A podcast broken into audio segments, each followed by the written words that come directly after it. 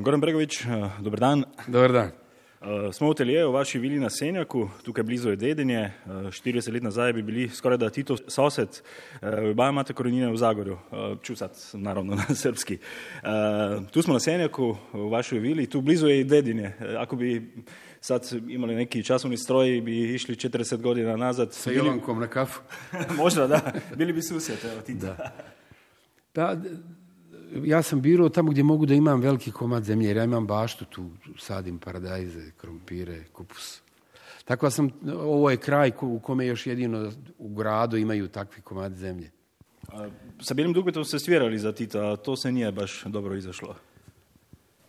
Pa, mislim da sam usvirao možda 30 sekundi, ja tako nekako cijenim. Jer je on kad je ušao, mi smo, trebalo smo da sviramo u, u HNK, u Hrvatskom narodnom kazalištu. I na programu je bila opera i balet Hrvatskog narodnog kazališta i Bijelo dugme.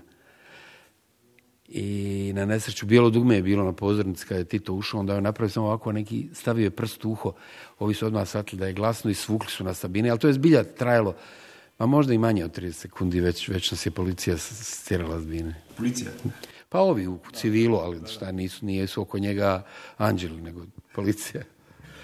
Propad bijelog dugmeta ide u isti period kao raspad Jugoslavije. Da li ste na Bini kad ste recimo svirali u Srbiji, na Hrvatskom i vjerojatno u Bosni osjećali da je ta raspad blizu?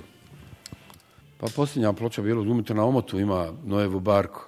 Pa bi, mi smo, kad smo krenuli u turneju, nekako su bila dva prva koncerta su bili, u, jedan je bio u Sremskoj Mitrovci, to je s ove strane, a drugi je, mislim, bio u Osijeku ili u Vukovaru, ne mogu da se sjetim.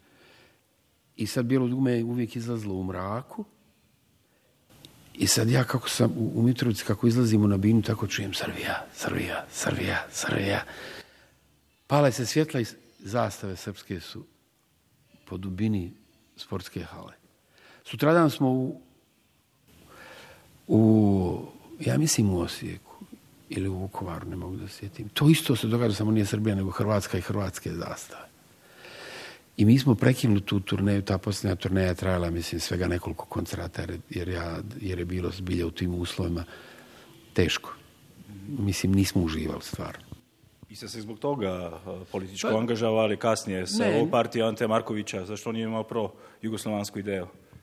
Pa nije, mislim da je za, mislim, ja sam u, u njoj učestvovao kao Sarajlija, kao, kao neko koji iz BiH, jer su programi svih ostalih partija bili, bili nacionalni. Programi koji su vodili u rat, jer su bili ratni programi.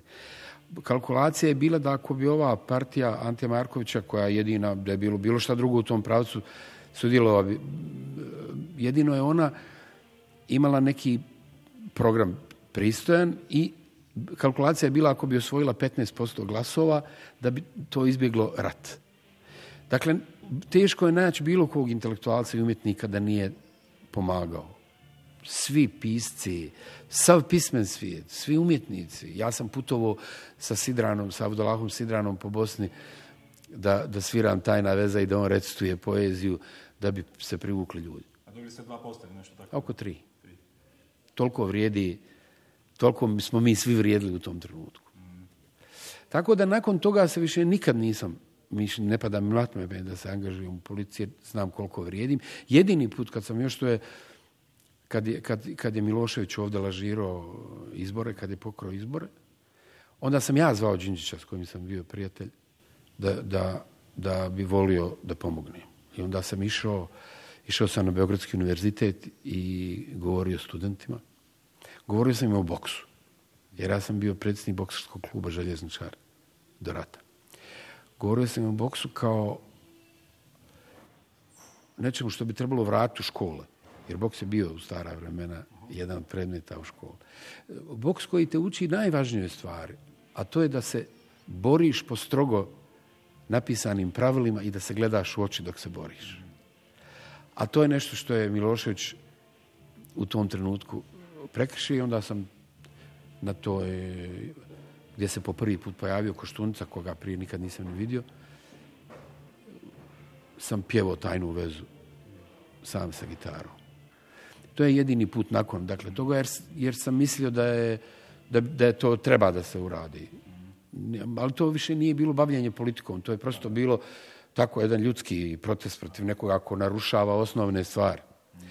Poslije kad sam se vratio, mislim kao što vidiš ovdje je malo pusto, kad se vratiš kući, pokriješ se i organom pomisliš, jebo, koji je tebi kurac Bregoviću? Taj ubije ljude i za manje. Izbio sam par dana, sam nespokojno spavao. Dok, se, dok nisu srušili Milošević. Ako sad pogledate sa distance, 25 godina, 30 godina, možda teško je biti ovaj, racionalan svijet, obredili se svijet.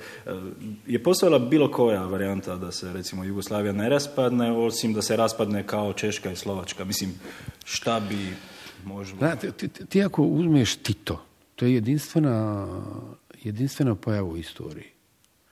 Jer samo oni koji imaju silu su veliki političari. U istoriji jedini političar koji nije imao silu je Tito. To nikad nije bilo. To je bilo mala zemlja, šta, 22 miliona stanovnika. Posve beznačajna za, ono koji, za, za, za značaj koji on ima u politici. Jel ti znaš da je recimo Hruščov po nekom nevremenu jed, skoro poginuo da sleti na, na Vangu da pita Tita može li ući u Budimpeštu. To su... On je imao moć, nažalost već je bio star pa je vjerovatno izgubio, izgubio je refleks. On je imao moć da nas uvede u jednu civilizovanu demokratiju, u višepartijski sistem.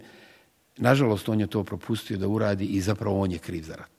Jer je imao mogućnost, on je imao mogućnost da nas uvede u jednu zapadnu demokratiju i da se to sve skupa sa Jugoslavijom desi na jedan prirodan, normalan način. Kako ste vi tad doživjeli rat? E, po ocu ste e, iz Zagorja, e, po majki Srb. Srb. Žena je muslimanka. Da, to je Kod tri pisma Sarajeva. Da, da. Mislim, a tad ste bili u Parizu, sa Kusaricom ste radili film. Da, tad sam radio Arizona Dreams smo radili. To je bio neki film i u vašem životu, vjerojatno. Mislim. Pa Underground je bio zbilja film u, u filmu, jer mi, Underground zapravo je govorio o tom, o ratu koji se upravo događa iznad zemlje, a mi snimamo Underground pod zemljom. Dakle, to je bilo onako jedna, eh, jedno, kako bih rekao, jedno neko katarzično vrijeme, jedan katarzičan, katarzičan film na kome su se samo, nakon čega su se svi razišli.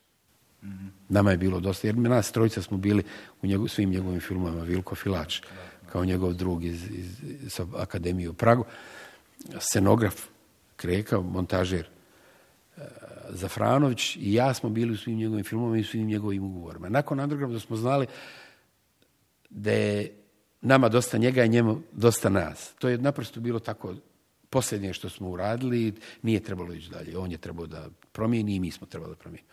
Ali je zbilja bilo teško vrijeme za, za pravljenje filmova. Mi smo, Arizona Dream, je, Arizona Dream se završavala uh, u, u periodu kad je u počeo, počelo, uh, počeo rat i to je zbilja bilo teško. Mi smo neprekidno sjedili pred televizorom, gledali televiziju, a istovremeno smo pa, pravili film koji je u tom trenutku koštao, recimo, ne znam, 30 miliona onih par. Tako da je, bilo je, znaš, ti meci izgledaju kao da se završavaju u Sarajevu. Međutim, to su meci koji daleko te stižu te i kad si daleko. E, vaš aktualni što smo kazali, znači tri pisma iz Sarajeva. E, kakva je sad to metafora 25 e, godina kasnije, 30 godina kasnije? Tu ste združili evo, katolički, jevrejski i muslimanski svijet u muziki. U muzici je to lako, to je, to je nezamislivo u politici, u religiji. Ali ima tamo, ima, naš su univerzali pravio neka tri mala kratka filma koju, koje možete naći na YouTube-u gdje su oni našli jedan neki snimak na godinu dana prije rata, gdje ja sa krova hotela Europe u trenutku kad zvone zvona katolička, pravoslavna, kad mu jezin sa, sa džamije se čuje, govorim kako je vrlo malo mjesta na zemaljskoj kugli u kojima to tako skladno zvuči i da je to bilo teško napraviti da tako skladno zvuči i da će biti vrlo lako da se to raz, razori. I sad pogledajte u tom istom filmu jednog starog čovjeka, ja sam već 67 godina. Ja sam već star čovjek koji to govori to isto. To je jedna, kako bih rekao, tužna elipsa. Ako uzmete. Bez obzira što je u, u rasponu od tada do ovdje, do ovamo sam ja uspio da, da uspijem da tu muziku koju komponujem predstavim cijelom svijetu. Ali je to ipak jedna tužna elipsa. Da neko ko je govorio prije 20 godina, 30 godina, to isto da govori još i danas. Jer Sarajevo, ja kad sam imao tu, ja, jer zapravo je stvar počela od jedne poručbine, ja sam bio naručen da napišem violin, koncert za violinu i simfonijski orkestar. I krenuo sam od Sarajeva jer sam ja nekoliko poručbina već radio na tu temu. Krenuo sam od Sarajeva kao metafore, jel, Sarajevo nije samo ime grada, nego je to, smo, to što vidimo u Europi danas, to smo prvi put vidjeli u Sarajevu, da komšije pucaju jedni u druge samo zato što su različite religije. I kad sam krenuo odatle, onda sam došao do violine kao metafore koja se svira u tri osnovna, u tri, tri osnovna manira. Kršćanski klasični, klecmer kako sviraju jevreji i orijentalni kako sviraju muslimani. Tako da je moja, moj violinski koncert je zapravo pisan u tri stava u formi tri pisma. I sad ovo je opus jedan, ovo što je izašlo sad je opus jedan, gdje sam ja napisao pjesme za neke moje umiljene umjetnike muslimane, krišćane i, i jevreje. Imaju samo tri mala parčeta iz violinskog koncerta, a violinski koncert će izaći krajem godine kao tri pisma iz Sarajeva opus dva ako ostanemo eh, kod metafora, pa sad ću vas pitati kao filozofa, teško se objektivno, ali svejedno.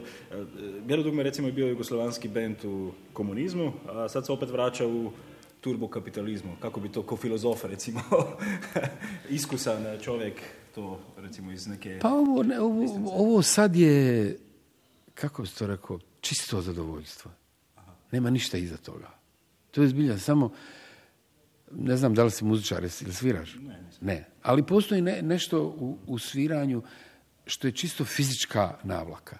Ti si navučen fizički na to da si, ovo bijelo dugme je dakle samo to jedno parče radosti fizičke, da izađeš na binu i pjevaš pjesme koje voliš. Ja sam to već, mislio sam da mi se to nikad neće vratiti. No, zašto ste rekli, bili ste malo rezervirani recimo? Ne, bio sam rekao da nikad to, nikad nijem s njim. Prvi put je, prvi put kad smo se našli to prije, prije desetak godina, tad, tad je to zbilja bila ponuda koja se nije mogla odbiti, jer je došla Coca-Cola i to je naravno, to stvarno bi lud čovjek odbio to.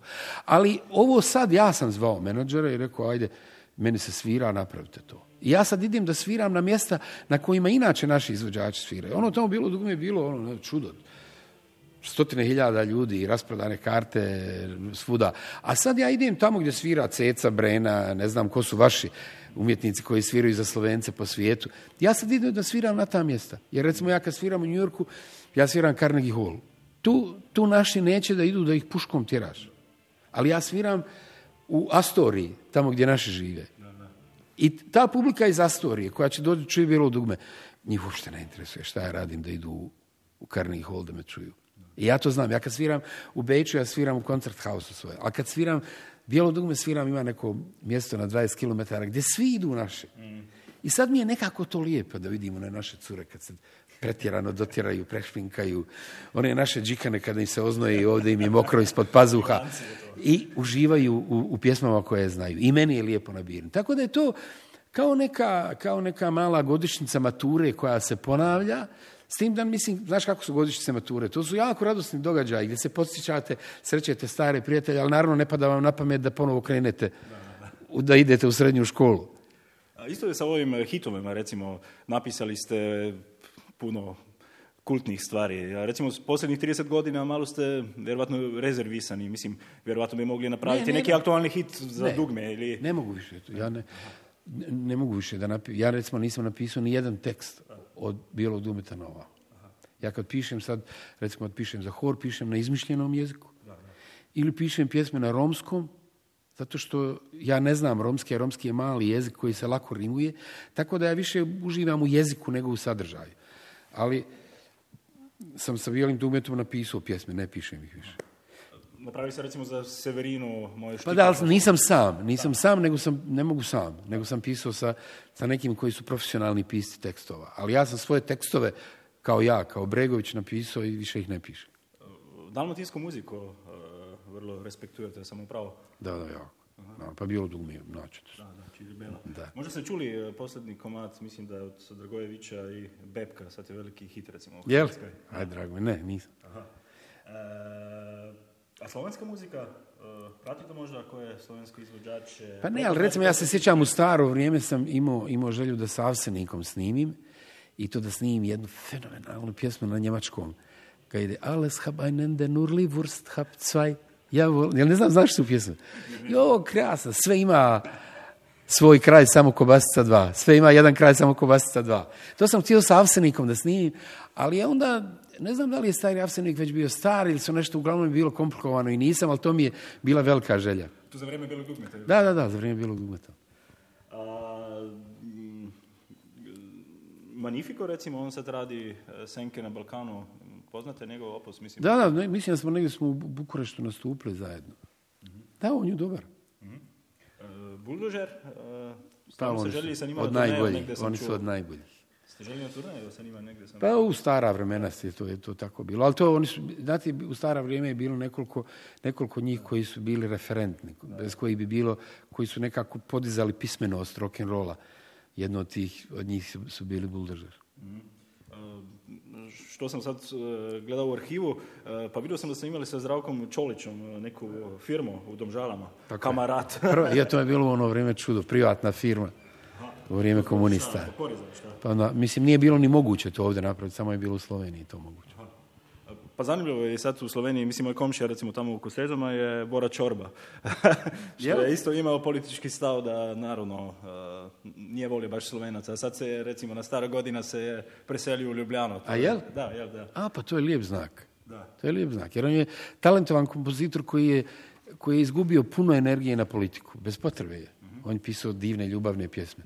Sve njegove pjesme koje su tako malo političke, ja sam uvijek to govorio, ta neka fascinacija politikom kod tako talentovanih ljudi mi je uvijek čudna.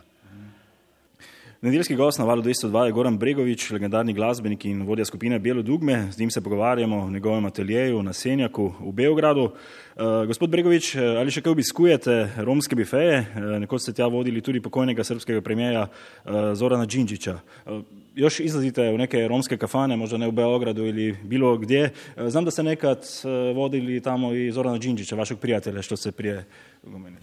Pa Beograd je, ako vam je zbilja da doživite ludilo, Beograd je mjesto za to. Ja sam neko večer, sinoć, preksinoć sam zaglavio do četiri ujutro na takvoj terevenki.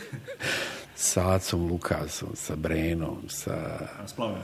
Au, kakva je terevenka bila, ljuši mi je cijeli dan glava bila kao trolebus. Ima, Beograd ima, mislim, u, odnosu recimo na te, vi ste boga, bogatiji tamo u, u, u Hrvatskoj i u Sloveniji, ali Beograd ima tu neku dugu tradiciju da za malo para se možete provesti. Tako da ima zbilja, ja sam, nažalost, te dobre ciganske kafane u kojima se svirala ta nova ciganska muzika. Jer recimo Trubač, to je muzika koja se svira na selima. Ali ima nova muzika koju cigani sviraju, koja je gradska ciganska muzika i bilo je nekoliko kafana u kojima se svirala ta nova. Koje su, nažalost, kad je ta kriza došla, prvo su one propale. Jer su u njih išli samo cigani. I tu su bile kafane gdje sam ja volio da idem, gdje sam naravno i tog pokojnog premijera volio i on je volio da ide. Šta vas je tako oduševilo kod Roma? Neki stereotip je naravno sloboda, ali to kao malo pomislimo, to vjerojatno nije. A znaš kako, ja sam, imam ja neku operu koju sam pisao koja zove Carmen sa sretnim krajem i u kojoj sam pokušao da, da slijedim neki metod kako je pisana prva Carmen gdje je Merime koji je pisao, Prosper Merime koji je pisao libreto, krenuo od neke istinite priče, ali u to vrijeme sa, sa ciganima sve bilo rom, romantično, romans nekako, tako da je i njegova priča malo romantična, bez obzira jedini ko nastrada u toj operi je Carmen, kao jedina ciganka ovdje. Ja kad sam krenuo tim metodom da, da pričam istinitu priču, vrlo malo ima romantičnog u životima cigana. Izuzev što, i zato oni vole happy end. Naravno, u mojoj Carmen je happy end, za razliku od Bizeoveka, jer cigani vole happy end, a njihov happy end je uvijek svadba. I, ima jedan stari ciganski vic gdje mali unuk ulazi u sobu i ugleda svoju babu kako gleda porno film. Kaže, baba, šta to radiš? Kaže, baba, čekam da vidim hoće li da se ožene. Happy end. Happy end. Tako da je cigani, znaš, u sred tog svog jada i tog svija, oni su šesto godina već sa nama u Europi i za tih šesto godina su prešli put od ropstva do, do, do danas da ih protjeruju odakle stignu. I čak i zemalja koje su najtolerantnije, iz Francuske recimo. Tako da je, ali istovremeno sa ciganima to je, znaš, kad sjedneš da sviraš, to je, uvijek se desi neko čudo. Dom za vešanje, naravno, je legendarni film Kusturice u Romima. Tada ste radili muziko. znam to svi pitali, svejedno. Deset godina je puno nekog surađivanja sa nekim kreativnim, kreativnim ljudima, ego, kako možda i na to gledate sa distance? Pa deset godina je u znaš zato što je, film je malo histeričan ambijent, zato što je, to nije kao pozorište. U pozorište je ipak razlika između uspjeha i neuspjeha nije takva ubistvena. Onda neko vrijeme je koje protiče prirodno vrijeme. U filmu je kondenzovano sve. I što je najgore, ta razlika između uspjeha i neuspjeha je neljudska. Tako da su svi dobri. Scenariji su svi dobri, da. Niko ne ulazi u snimanje filma bez da... Čak i na snimanju je sve dobro. Tek se na kraju desi neko čudo pa je film dobar ili ne, ne desi se pa nije, nije dobar. Ali je ja sam imao sreću, a i on je imao sreću da, da provedem sa njim, da, da napravim sa njim tri njegova najbolja filma. Tako da sam od njega dobio najbolje što je on imao, a on je od mene dobio zbilja najbolje što ja imam. To su, to su pristojni filmovi koje možemo da pokažemo djeci, a da se ne sramotimo. E, rekli ste teatar, e, kako se sjećate Tomaža Pandura? Mi smo radili divne stvari. Ja sam imao sreće da sam s Tomažom radio jedan divan komad prvo Babilon u, u Mariborskom teatru koji je znate kako ne pozorišta se sve više e, pretvaraju kao i filmovi u neko pričanje priče. Znate, uđete u pozorište i gledate film pa imate onako jedan klasični, klasičnu strukturu. Uvod, zaplet, peripetija, rasplet. Tomaž je radio sa pozorište sa vjerom kao što su i veliki filmovi, kao što se rade sa vjerom, da, da ljudsko biće ima osjećaj kad, si, kad je u prisustvu umjetnosti. Da, smo, da, je to, da je to evolucijom čovjek stigao dotle da kad je u prisustvu umjetnosti, da osjeća da je u prisustvu umjetnosti. Vjerujem da kad konja stavite pred Monalizu, on osjeti da je u prisustvu umjetnosti. Takvi su njegovi bili pozorišni komadi. Mi smo radili u Talija teatru koji je vjerojatno možda najznačajniji pozorište u Europi. Radili smo divinu komediju. U prve godine smo radili Infermo, druge godine smo radili Purgatoriju i Paradizu. To su možda najljepše stvari koje je Tomaž radio i možda, možda najbolje stvari koje sam ja radio s njim u pozorištu. To smo radili i u, i u Madridskom nacionalnom teatru, ali je ovo što smo radili u Taliji možda najbolje što ostaje iza njega i iza mene u pozorištu. Da idemo na drugi kraj, kako je bilo surađivanje sa Igijem Popom? Je stvarno tako lutko na bini? To je... to je... Ja sam bio s njim u periodu kad je, kad je bio clean, kad se nije drogirao, imao ženu Japanku, psa mačku. I on je tad došao sa Johnny Deppom na, na, na snimanje Arizona Dream. Snimala se neka scena gdje su zbilja u novine dali da imaju audiciju i da će je snimati. Onda i on, i on je htio da sudjeluje u audiciji, stavio jednu tikvu na glavu i pjevo God Bless America. E to nije naravno ušlo u film, ali su svi bili, ajte nešto zajedno, ajte nešto zajedno. I onda mi on rekao, jutro sam pio kafu, on je stanovo u Village. Jutro sam pio kafu i konobar koji me služi, znam da je Jugoslaven. I onda sam ga pitao šta ti misliš o Bregoviću. On mi je rekao, Bregović je Bog. Naši ljudi. Naši ljudi. Onda kaže, Igi, ako si Bog, ajde probam. Ali je bio u tom periodu kad je zbilja bio čist i onda je molio da ne idemo u studije gdje se drogiraju, nego smo u studiju Filipa Glasa snimali koji je njegov prijatelj, koji je za, za ozbiljnu muziku studiju. Ali je, on je malo je, kako bi rekao, nije baš tipičan Amerikanac, ima jednu znatiželju za europsku kulturu, čito je svašta. I Johnny isto imao su ljudi koji su znatiželjni, ne sad, da izvan Amerike nešto video. Igi je, on je, ja sjećam da smo zajedno, zvao me da nastupim sa njim u Parizu. I sad iza bine su samo mrkve, paprika, on nije jeo meso, nije bilo alkohola, nije bilo droge. Onda jednom izađe na binu, Igi Pop, vrati se nazad, mrkvica, nema droge, nema alkohola, a tamo iz WC-a lopatama igle iz tovare. Goran, vaše iskustvo sa drogom je vrlo konzervativno za recimo takvu zvezdu. E, hašiš i kokain, pa to su neke legende, ovo sa jugotonom to, e, dobro, to su bili neki slatkiši i tako. Pa ja sam imao te, tešku, period sa teškom drogom kad sam bio jako mlad, jer ja sam sa 17 godina svirao u striptiz baru. A sa 18 godina sam već svirao u Italiju baru. I to, je, to su bile 70. I to je nažalost bio, bilo period LSD-a. Tako da ja još uvijek imam neki invaliditet u glavi od tog LSD-a, ali sam na prvoj godini fakulteta prestao i nikad se više nisam vraćao. Samo kad ste snimili ploče i to. Kad, ali to nisam se drogirao, samo sam se držao budnim, jer nisam imao disciplinu da, da pišem tekstove na vrijeme. A gdje je onda glavna inspiracija? Sad smo sa menadžerom pričali, mislim kazao je što, kako imate turneje, koliko imate koncerata, koliko ste na putu, koliko vežbate, svejedno imate 67 godina. gdje nađete neku inspiraciju? Mislim, drugirate se, ne pijete, ne. Mislim, svejedno, neki, neki pori u to energiju. Gdje? gdje? Znaš šta, ja sam ostao sam sačuvan jer nisam radio u doba komunizma. U doba komunizma je bio porez, ako hoćeš baš da ti kaže kako izgleda porez, ako misliš da je sad ako misliš da je porez velik, sad ću reći kako izgleda porez u staroj Jugoslaviji. Kad ti pošalju novac na račun, odbiju ti 55%, dobiješ 45%. A onda progresivni porez na tih 45% je bio 90%. Tako da zato bilo dugme ništa nije radilo. Mi smo radili jednom u dvije, tri godine jer meni nekako su advokati pokušavali da razvuku te pare lijevo desno, ali zbog toga bilo dugme nije radilo jer je moj porez bio 90%.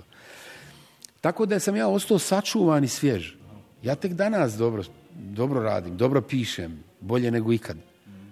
Zašto ljudi ide u penziju u takve godine? I u jer, su, jer su radili, pa da, jer, ali su, ja sam, i moguće je da, da, da bi zapravo, moguće je da neka buduća civilizacija u kojoj ćemo biti bolji ljudi, pametniji, da će upravo ovako živ, da će, da, da će početi da radi tek od 45-50, a da će se učiti, provoditi do 45-50, kao što se meni desilo slučajno. Dobar, dobar primjer. Evo, ja možda moguće, evo, ja sad zbilja dobro radim.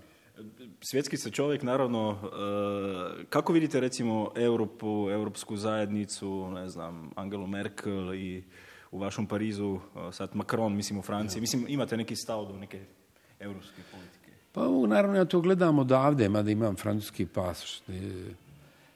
Nekako, znaš kako kad pogledaš, mi smo uvijek imali te periode očaja i optimizma koji su se smjenjivali kao neki krugovi. Sad su svi u nekom, nekoj tački optimizma. I vi koji ste ušli u Europsku i ovi koji još nisu, ali očekuju od Europe da ima neki plan i za njih. Kad gledaš u istoriju, nema razloga da čovjek misli išta dobro. Ali opet, svi smo optimisti. Svi nekako misle da, je neko, da Europa ima neko rješenje za svi. I za svi. Mislim da da. Tako, svi smo u toj nekoj tački optimizma. Pa nigdje sam pročitao da ste, recimo, zadovoljni sa Vučićem, mislim, sa njegovom politikom. Je to stvaru sa njegovim putom? Znaš kako, ja sam u životu imao nekoliko prijatelja političara i uvijek mi je bilo žao što su moji prijatelji političari. Zato što, zato što su tako, tako ogroman treba napor napraviti da se napravi minimalan, minimalno dobro. Jer u politici se stvari pomiču teško, sporo. Ti ako pogledaš Francuska koja je izmislila savremenu državu, jel, od francuske revolucije, buržarske je ovo krenulo. Zadnja tri predsjednika su na sudu. To je, sporo se stvari pomiču, a ljudi bi htjeli da neki predsjednik dođe i da to napravi u ponedjeljak i da stvar bude završena u petak. Tako da mi je uvijek žao političara, pogotovo onih koji troše ogromnu energiju, a znam da će vrlo malo toga uspjeti da uradi. I među njima je i Vučić koji izbilja, vi kad ga vidite, vi znate da se on probudio ujutro rano i da je radio cijeli dan. To je, to je za poštovanje. Naravno, svi imaju neke različite ideje kako bi to trebalo da se uradi to, to dobro. Ali ja mislim da u ovom trenutku u zemlji koja je izgubila rat, znate, izgubiti rat, to je, to je velika trauma za zemlju. Tako u zemlji koja je izgubila rat, dovesti je u neku, na neku temperaturu u kojoj možeš povjerovati da zemlja koja je izgubila rat, da može da ide naprijed, da, da dobiješ neki mali optimizam, a on ga nosi. Neki mali optimizam Srbi kroz njega imaju. To je veliki, veliko dostignuće. Da li ga nekom se sviđa on lično ili ne, ja ga, ja ga ne poznam zbilja, nisam ga nikad sreo. Nisam se sreo s njim, ja ga ne poznam. Ali poštujem kad vidim da neko radi, on je zbilja neko ko tačno zna da se probudio ujutro i da je radio cijeli dan. Bili ste nedavno u Americi sa Bilim Dugmetom, pa imate i kolega Amerikance, Ige Popa, ok, on nije tipični Amerikanac, ali svejedno, kako vi gledate ovaj fenomen Trump, recimo, što kaže to, ne znam, u Americi, američkim ljudima, imate neki, eh, neki stav oko toga, to je tako pa neko, nešto, se, nešto se nekako sve se pretvara u neku estradu.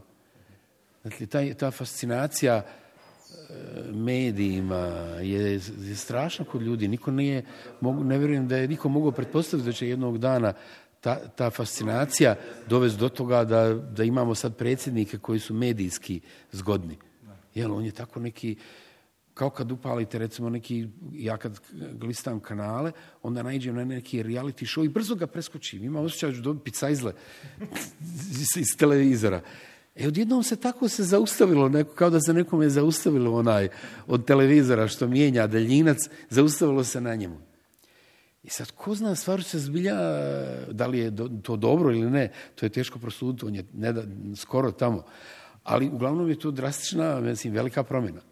Da. E, moraš pitati oko migrata i izbjeglica, e, puno ih još ima u Beogradu, e, pa vi radite sa Romima, pa inače i vi ste evo, ponekak bili migrant, ja recimo ekonomski izbjeglica, evo, da.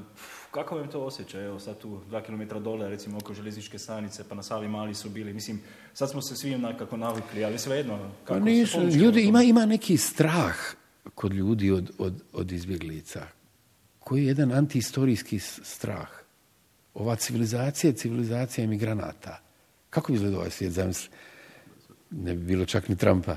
Kako bi izgledao ovaj svijet da nije bilo Italijana koji su otišli, da nije bilo naših koji su otišli, da nije bilo, šta, ne bismo imali iPhone, da tata od ovoga nije iz Sirije došao. Tako da je to jedan antihistorijski strah. Oni će doći, kao što su dolazile izbjeglice sirotinja po, po svijetu, ali nisu oni tu samo da uzmu, oni su tu i da nešto donesu. Tako da je to, meni je to nerazumljiv strah. Pa postoji neki boli sistem, neko demokratija recimo. E, pa vi trebate raditi sa puno ljudi, imali ste u karijeri neki management e, sa specifičnim ljudima trebate raditi. Vjerovatno je slično kao recimo u politici, predstavljam si. Ima puno ega, različitih ambicija. Ste razmišljali kad o tome što bi možda svijet kao filozof recimo? A problem svijeta je što nema novih političkih ideja. Vi imate recimo tog Žižeka koji je značajan. Ali vi nemate Marksa. Mislim, niko nema Marksa. Nažalost, posljednja velika nova politička ideja je bila 19. vijek Karl Marx. Od 19. vijeka na u međuvremenu su tri industrijske revolucije bile. Vi nemate ni jednu novu političku misiju i misao. Vi ako ste naivni ćete vjerovati da ovo sad s muslimanima da je to samo religijska borba sa nekim primitivnim muslimanima. Ne, to je klasna borba. Kao što je uvijek bila. To je borba klasa, s tim da kapitalizam više nije unutar jedne države, nego je globalni. I sad u tom globalnom kapitalizmu imate borbu klasa koju je najlakše proglasiti borbom muslimana sa ostalima. Ali je zapravo se radi o tome da je kriza političke misli.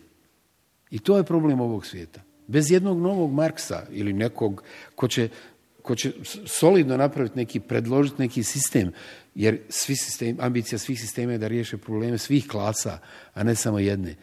Mi ćemo nastaviti da živimo u svijetu koji je na ivici velikog rata, jer religija, religija je, religija je to što odvaja siromašne da ne pobiju bogate. Samo to odvaja, samo religija odvaja taj trenutak da će bogat, bogati nastradati od siromašnih. Tako da samo je u tome je, oko toga igra. Tako da ne znam tačno šta će se desiti, ali bi volio da se neko pojavi sa nekom novom političkom misli. Vi da možete reći, Marks je sahranjen, ideja je propala. Međutim, nije to baš tako naivno. Njegova ideja o državno organizovanoj privredi, kao što vidite, teško se svijet nosi sa Kinom, koja ima tu državno planiranu privredu. Tako da neke od njegovih ideja još uvijek su žive i teško je biti bolje od njih. Ali, nažalost, nema novih. I to je problem ovog svijeta. Tako da to, pojavio se ovaj političar onaj, ali mi živimo u svijetu koji 1% ljudskih bića drži 90% bogatstava ovog svijeta. I kao što Čomski kaže, kad bi demokratija mogla nešto da promijeni, bila bi zabranjena odavno.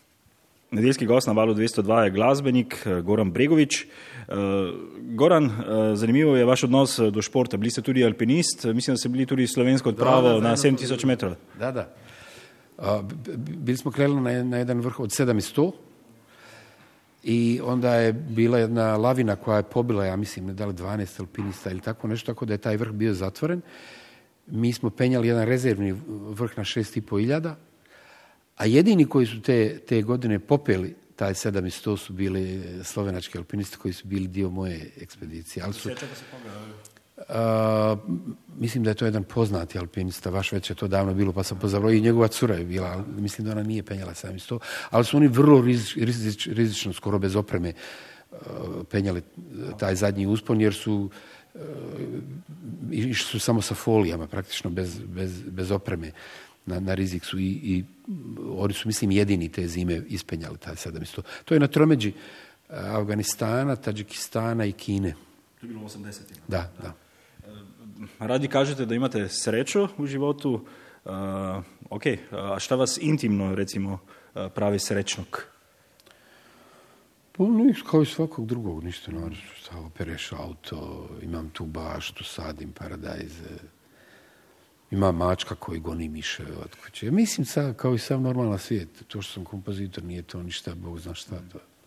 Rekli ste bašta, tamo je, tu je ta višnja s koja ste Posjekli. pali. Tu višnju su podsjekli čim sam pao. kao da je višnja jedna kriva što sam ja budala. Ali je, ali je, ko još padne s višnje? Višnje nije uopšte prvo drvo koje bereš. Nije to za jelo, jer višnje je nešto što se napravi kompot, ali niko ne, ne jede višnje. To je tako samo bio trenutak uh, gluposti. To, možda bi jedino bilo gluplje, ali sam pao sa jagode. ali ovo je zbilja gluplje, pao sa višnje. Jel? Tako da je to grozna epizoda. Zbilja. Ali sam, recimo, tad sam prvi put se sreo sa svijetom bolesnih. bolesnih. Taj svijet bolesnih koji je jedan paralelni svijet koji živi paralelno sa nama, sa kojima nemamo doticaja dok nam se ne desi nešto tako. I to je možda jedino što je korisno u toj gluposti je bilo to iskustvo da sam, da sam se sreo sa tim paralelnim svijetom. U slobodno vrijeme televizije nemate, ne. još uvijek ne. kvantna fizika, to stvari čitate? Pa ostalo mi je još to malo da volim da čitam. Aha. Rijetko, ali. Teško su to stvari. E, recimo, što vam znači uh, luksus? Se još kada uh, počastite sa gulažom iz konzerve? pa vjerovatno kao to vjerojatno sva djeca od, od vojnih lica nekako nemaju talenta za luksuz. To sam vjerojatno na oca naslijedio, da imam ono što mi je, samo ono što je potrebno. A onda ostanu mi tako neki stari, stari meraci, što bi mi rekli, neki merak. Zbilja mi u Parizu uvijek imamo te crvene konzerve, podravkine, da, sa kravom na taj gulaš.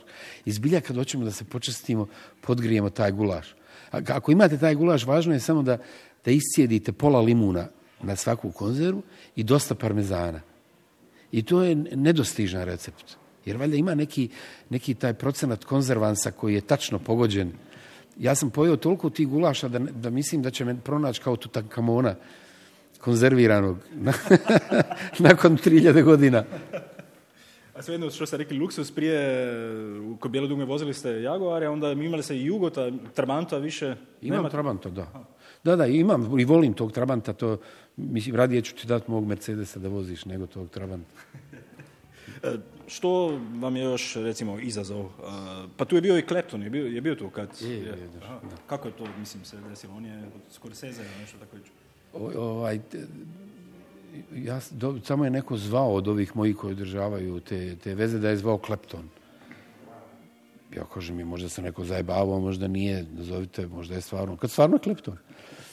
Da, bi, da dolazi u Beograd na koncert, da bi volio da me vidi. I onda sam ja išao na taj koncert, ali mu nisam nikad rekao da sam njega smatrao cijeli život najvažnijim frajerom svog života. Jer ja sam svirao u barovima kad je, kad je izašao Krim, njegov prvi band. I tad sam prvi put čuo slobodnu muziku, a da nije džez. I mi smo počeli u barovima tako da sviramo slobodno. I naravno izbacili smo se iz bara. Da nije bilo slobodne muzike i Krima, ja možda i dan danas bio u baru. Jer u striptiz baru je lijepo. Žene su lijepe. Lova je, lova je dobra. Lova je dobra, žene su lijepe, to možeš do 70. gurat da ne trepneš. Ako nije droge ali mislim da nije, da nije njega bilo, ja sam zbilja, da nije bilo krima, ja, ja bi ostao možda i dan danas u baru. Tako sam ga uvijek smatrao najvažnijim frajerom svog života. Ali naravno ja to njemu nisam rekao, išao sam na koncert, sredili smo se, Bog zna kako, onda mi je on rekao da mu je Scorsese poklonio moju prvu ploču, da od tada uvijek kupuje moje ploče. Poslije je došao ujutro prije aviona, je došao da vidi gdje ja radim, moje asistente da upoznaje tako. I od tada si, ne znam, čestitam mu Božiće I tako. Ali tako u ovim godinama se valjda vraćaju te elipse koje si počeo u mladosti pa ti se vrati kasnije. Svejedno, na kraju, e, razmišljate svejedno o penziji, znam da imam na moru, ste radi, možda i u Zagorju, imate još ovaj Imam, vinograd imam, u, da, tamo vinograd. kod Križevca. Pa ne, mislim, to je te, kad se zamislim da bi stao, opet mislim, šta, stanem, idem da pecam, šta radim? Jer ja sam bio spavan spreman za penziju prije rata. Mislio sam bilo, dugo, već sam bio kupio na braču nešto i već sam vježbao, to ljeto sam vježbao ribolov. Ali ne znam da mi moguće da samo jedan dan to do sada i stanem. Ali Ili pravili sad- otac vino i tamo Vjerovatno, da, mogu zamisliti se i tako, ali i volim, još uvijek sam nekako svjež, još uvijek učim, još uvijek ima stvari koje, koje me vesele u muzici, ne znam, uvijek nešto, evo sad je recimo moja ta nova ploča Tri pisma je Saraja prva po, po prodaji i na Amazonu i na iTunesu u Americi. To nikad nije bilo. Tako, sad da li je, evo sad je izašla knjiga New York Timesa 101 umjetnik koje, koje trebate da čujete prije nego što umrete, ja sam unutra. Tako da još uvijek ima stvari koje me raduju. Evo, za stvarno kraj, e, samo jedno pitanje oko koncerta u Ljubljani. E, što može očekivati publika? E, kakva je sad zasedba, u kojom uh, zasedbi Pa Bijelo dume je dobro, ve- veselo. Bijelo dume sad svira jedan repertoar onako koji nas raduje, ja pretpostavljam da će i vas iz svih perioda, od prve do zadnje ploče, iz svih perioda. Njih dvojica su u dobroj formi, oni su jako različiti. Ovaj, Tifa je tako kao neko ko ima potrebu da ima starijeg brata, pa sam ja taj na pozornici. Ovaj drugi nema potrebe za starijim bratom, ali je, su oni jako različiti i to pravi neku dinamiku na, na, na pozornici. Lije- mislim, sad mi je lijepo. Moguće da mi to do sad jedan dan pokajem, ne- ali sad zbilja uživam. Moje, moje turneje su između 120 i 150 koncerata godišnje. Sad odsviram godišnje i neki 20 koncerata Bijelog Dumeta i zbilja uživam u njima. Razmišljate da dolazite u Ljubljanu i sa ovom, sa ovom tri, tri pisma? Pa ja se nadam da ću, da ću svirati tri pisma i Ljubljane. Što da ne vi imate odličnu filharmoniju. Svirao sam u Zagrebu sa Zagrebačkom filharmonijom, svirao sam, ne znam, u Francuskoj sa nacionalnom filharmonijom, sa Mađarskom, sa, sa Belgijskom, sviram sad sa, sa Ruskom u Petersburgu. Nadam se da ću svirati u Ljubljani. Goran Bregović, hvala za vaš čas in pogovor za Sa Val 202. najvećim zadovoljstvom i vidimo se na, na koncertu.